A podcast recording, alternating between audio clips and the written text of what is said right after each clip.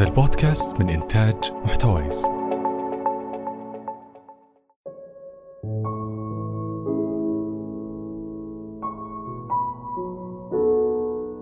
ففي نص الطريق وقفت. لم أستطع أن أتحرك من البرودة. لأن تجمدت آه، باطن الر- ال- ال- الرجلين.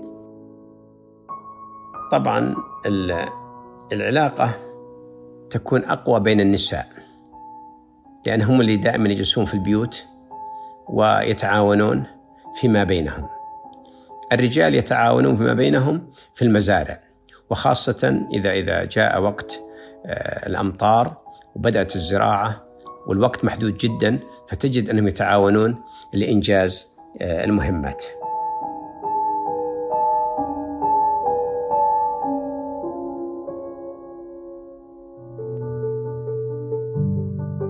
في فترة من الفترات كان في اعتقاد بأن شكل بيوت الطين والحجر القديمة يعيق تطور المدن.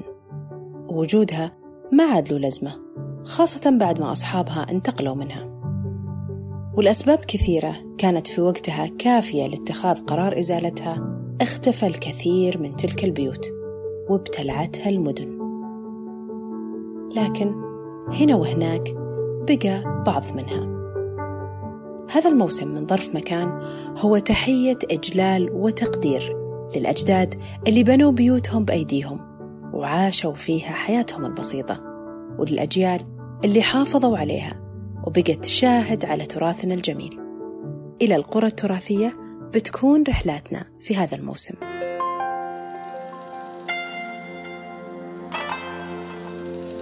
أهلا وسهلا. أنا منى الطريف وهذا ظرف مكان. هنا بنتكلم عن الأماكن اللي زرناها والأحداث اللي مرينا فيها والقصص اللي نحلم بيوم من الأيام أننا نرويها.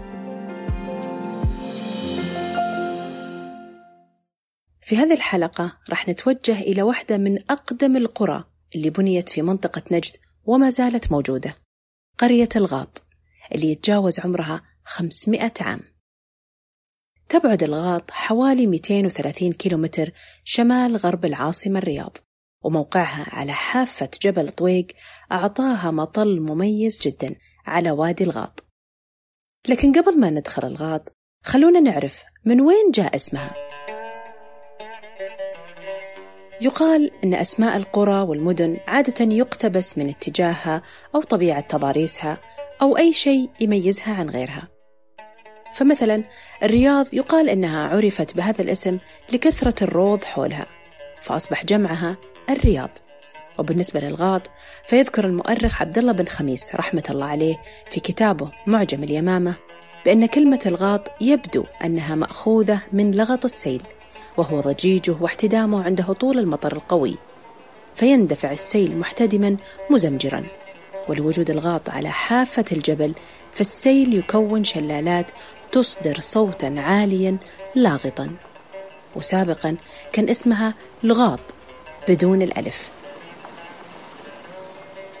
ضيفنا في هذه الحلقة اللواء الطيار الدكتور عبد الله السعدون عضو مجلس الشورى اللي كان أحد سكان الغاط وعاش طفولته فيها بين جبالها ومزارعها.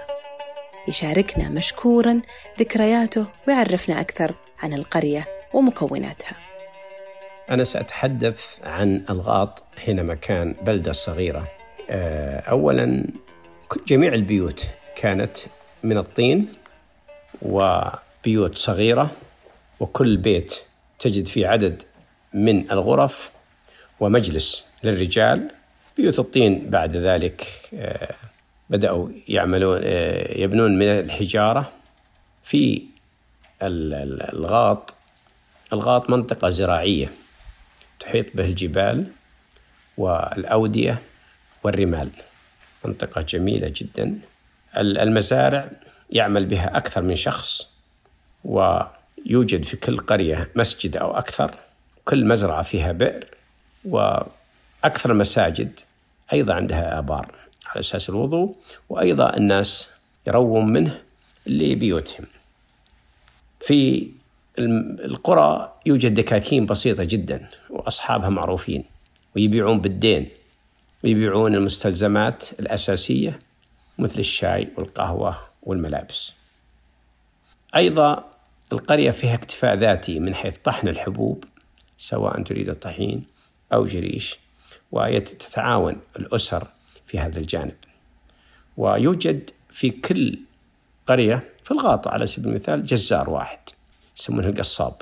يقول اليوم قاصب يعني آه، عنده مثلا حاشي أو من أو خروف أو هذا والناس تتجه إليه وتشتري. وبأكثرهم يشترون بالدين ويعطون فيما بعد. تعتمد القرية على مدرسة واحدة في وقتي كان في مدرسة وقبل ذلك كانوا الكتاتيب. والكتاتيب يكونون في آه، المساجد أحيانا وهي مهنة متوارثة وخاصة يركزون فيها على تعلم القرآن الكريم ومبادئ بسيطة جدا عن الدين والعبادات.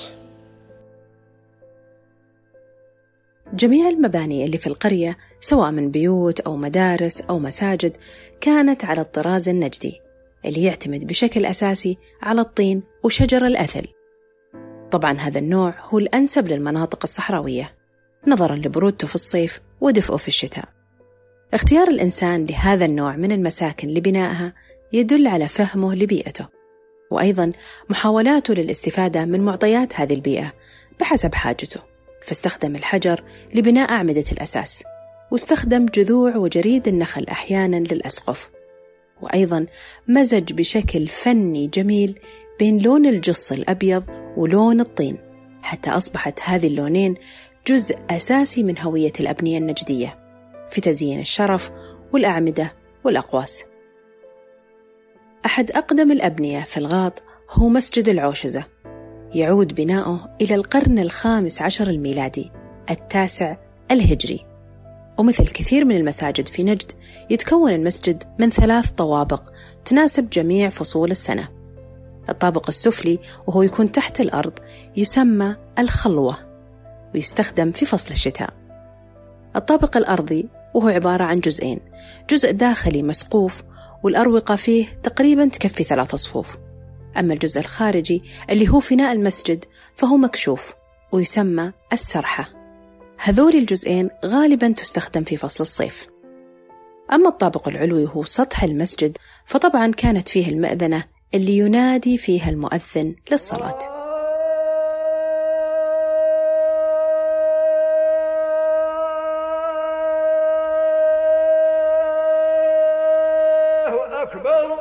ومن الملفت للانتباه أن المسجد مفتوح على القرية وبدون أبواب على واجهته.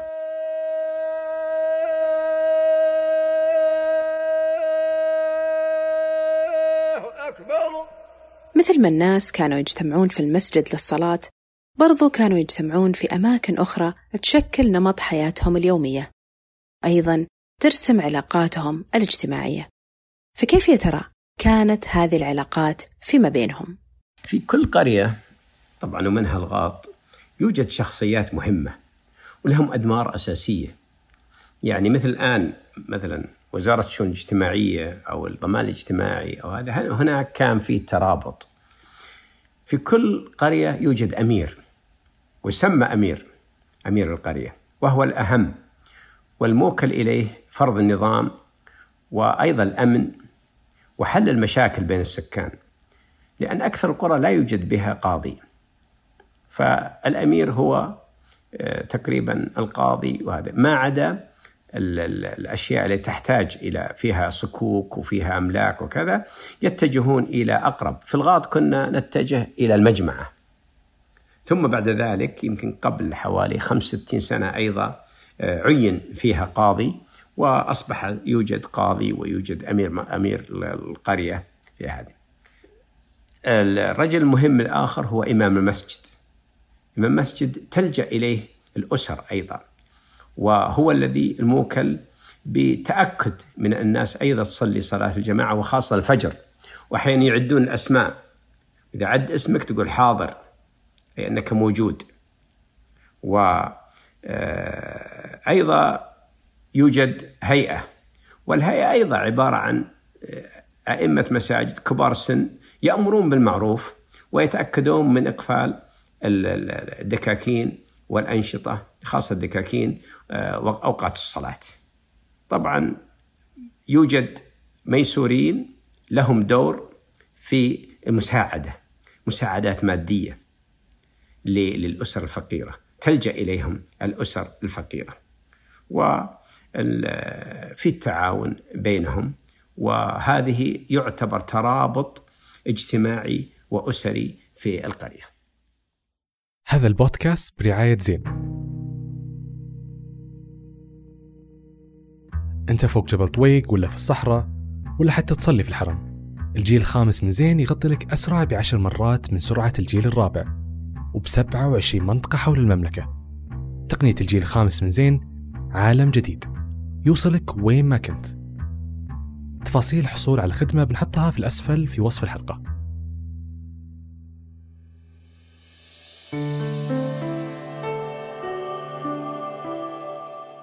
بالرغم من أن الحياة في الماضي ما تشبه حياتنا اللي نعيشها اليوم إلا أنه حتى الناس اللي عاشوا في الماضي شهدوا أحداث غيرت تفاصيل حياتهم وباتت لياليهم اللي كانت تضيئها القمرة وفتيل السراج أكثر وهجا. والمدارس الطينية أصبحت أكثر اتساعا. عن التطور والكهرباء والدراسة خلونا نعرف كيف تغير الحال. آه، دخلت الكهرباء إلى الغاط قبل حوالي 65 سنة وكانت بجهود فردية ومبادرات من بعض أعتبرهم مفكرين من من سافر وراء الكهرباء في الرياض أو في أماكن أخرى فقاموا بجمع تبرعات واشتراكات عادة تكون ماكينة واحدة الكهرباء تعمل ساعات محدودة آه، في النهار في الليل على أساس أكثرها الإنارة آه، ليست مثلا للتبريد أو غير ذلك. والشبكة الكهربائية تكون بدائية أسلاك وأوتاد آه، على الجدران وكل أسرة يدخل لهم لي واحد سلك واحد على أساس لمبة واحدة أو لمبتين أو, أو واحيانا مروحة فقط لهذا. و آه، المكيفات مثل ما قلت لكم غير موجودة. وفي الآونة الأخيرة طبعا تولت الحكومة آه، إدخال الكهرباء وأصبحت قوية جدا. بعض البيوت آه، حتى لا يوجد فيها كهرباء. لأسباب إنه لا يريد أن يدفع القسط أو أو فاتوره الكهرباء.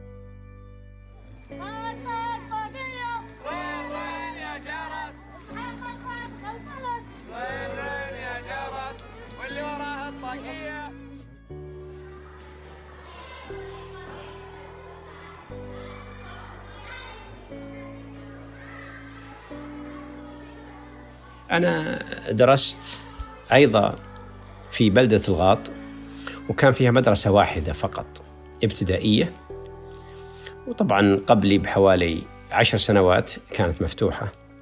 أعتقد أنها في بداية السبعينات الهجرية. آه، كانوا يسمونها المدرسة السعودية. وهي عبارة عن مبنى طيني كبير تبرعت به أسرة السدارة يسمونه بيت الأحمد اللي هو أحمد سديري طبعا خال الملوك الملك فهد والملك سلمان والملك والأمير سلطان وأخوانهم. طبعا انتقلنا بعدها إلى مبنى مؤقت لأنهم هدوها وبنوها بيت مسلح على أنقاض المدرسة القديمة وعدنا إليها فكانت فصول فسيحة. و المدارس عموما عبارة عن فصول بسبورة السبورة السوداء طباشير ممسحة وكراسي. الكرسي يسع لثلاثة طلبة وأمام كل طالب الدرج وغرفة للرسم. التربية البدنية كنا نلعب خارج المدرسة.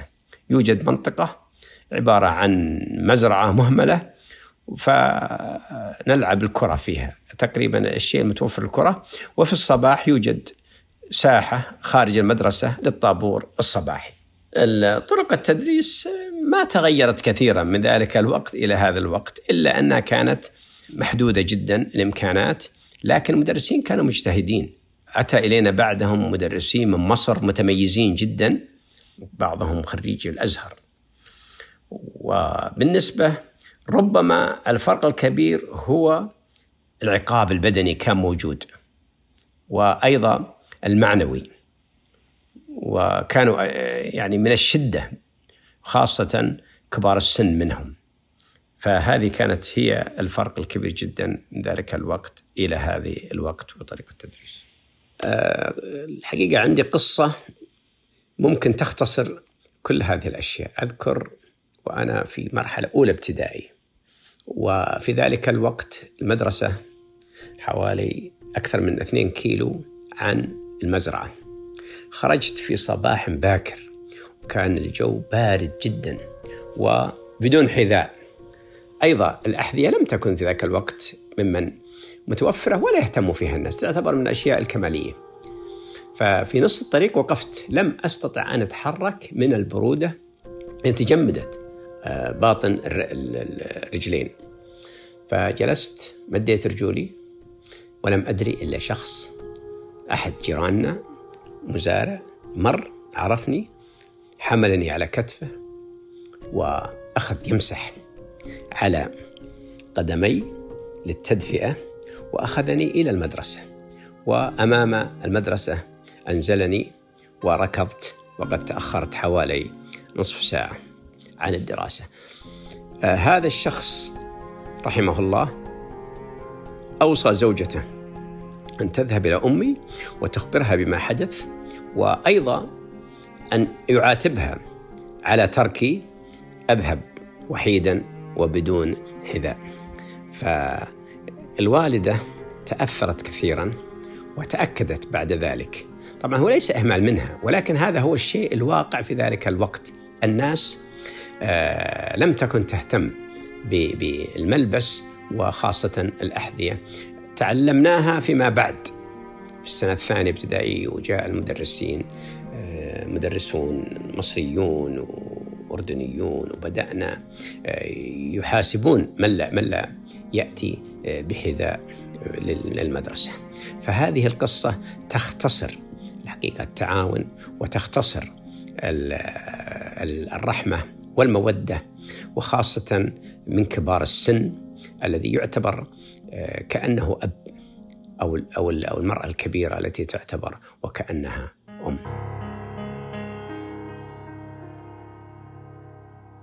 المدرسة ما كانت فقط هي اللي يتعلم منها أبناء القرية. كانوا أيضا يتعلمون من آبائهم وأجدادهم المهارات والحرف اليدوية اللي يحتاجونها. كان جزء أساسي من تعليم الصغار في القرية هو توريثهم الصنعة ومثل ما يقولون الصنعة أمان من الفقر. وجميع الحرف اللي مارسها أبناء الغاط بأيديهم كانت ضرورة لاستمرار حياتهم. واليوم هي جزء من تراثنا وتشكل جسر ثقافي ممتد عبر التاريخ.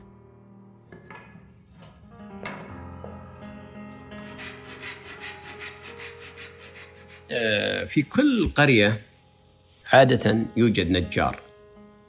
هو يعمل في الحدادة وأيضا آه، يعمل المستلزمات الضرورية الفلاحة مثل المسحات والمحش والفأس وغير ذلك. آه، طبعا أيضا يجيدون حرفة اللي هي صناعة دباغة الجلود يصنعون منها القرب وأيضا الغروب التي يخرجون بها يستخرج بها الماء من الآبار. آه، يصنعون أيضا آه، شباك الصيد والبارود. أيضا يتم صنعه قرية. يصنعون كل ما يحتاجونه أيضا من الأكلات الشعبية كالكليجة والمراصيع والحنيني وغيرها. طبعا في القرية الحاجة هي أم الاختراع دائما. وهذه الحرف أيضا متوارثة وبعض الأسر مشهورة فيها. ولكن هذه الحرف لم تخضع للتطوير آه، منذ زمن طويل وإنما هي نفس صناعة هذه الجد يصنعها الأب ويورثها الابن وهكذا إلى أن طبعا جاءت الصناعات الحديثة والآلات.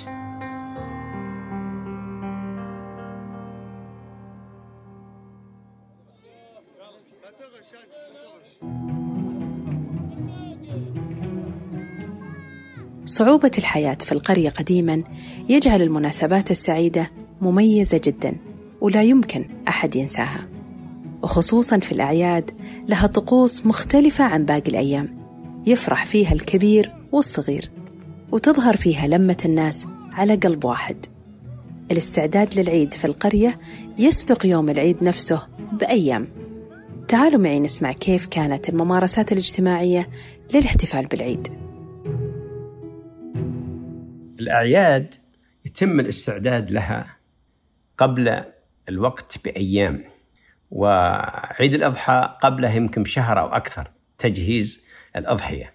وأيضا يتم تجهيز مستلزمات العيد من ملابس وتخيطها النساء أنفسهم. وتضع النساء الحنة في باطن أكفهن. وأيضا بعض كبار السن يحني لحيته على أساس إزالة لون الشيب الأبيض. بعض الأسر تحني حتى رؤوس الغنم آه، تيمنا وفي صباح العيد وين أينما كنت فيه يوم كنت موجود هو أننا نتعين نأكل العيد قبل صلاة العيد ثم ننزل لأنه مشوار بعيد إلى صلاة العيد. الناس القريبين من مسجد العيد يتناولون آه، طعام العيد بعد صلاة العيد ويكون عادة في إما في الشارع أو قريبا من المسجد، كل مسجد أمامه مساحة فاضية يجتمعون فيها آه، بيوتهم وكل يأتي بعيده وينوعون وكل شخص يقوم ويأكل من أكثر من عيد يذوق العيدة كلها المقال.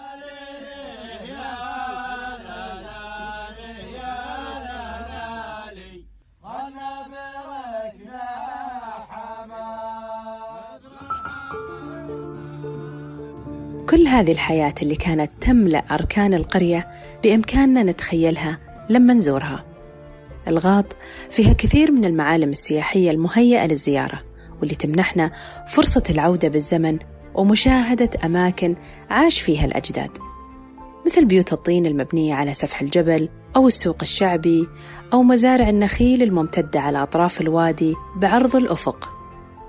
وقصر الأمارة اللي بناه الأمير ناصر بن سعد السديري أمير الغاط سابقاً.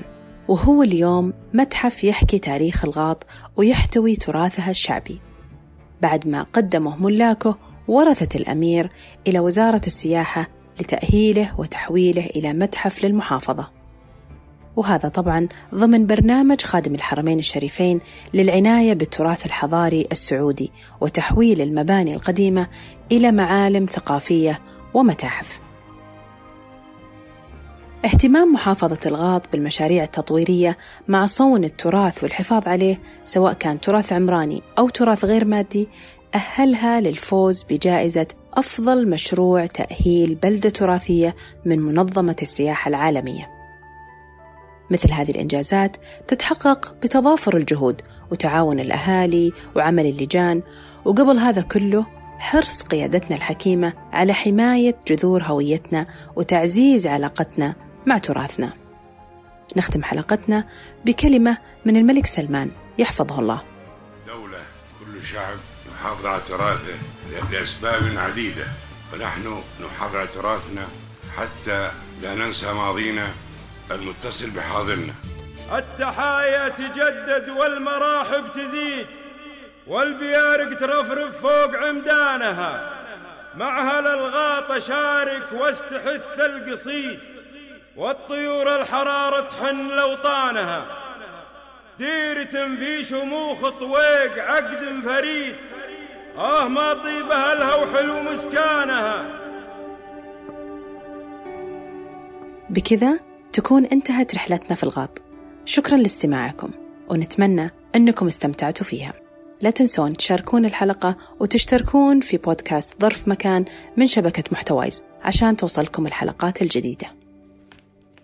وختاما نزلنا ها هنا ثم ارتحلنا وهكذا الدنيا نزول وارتحال. رافقتكم السلامة.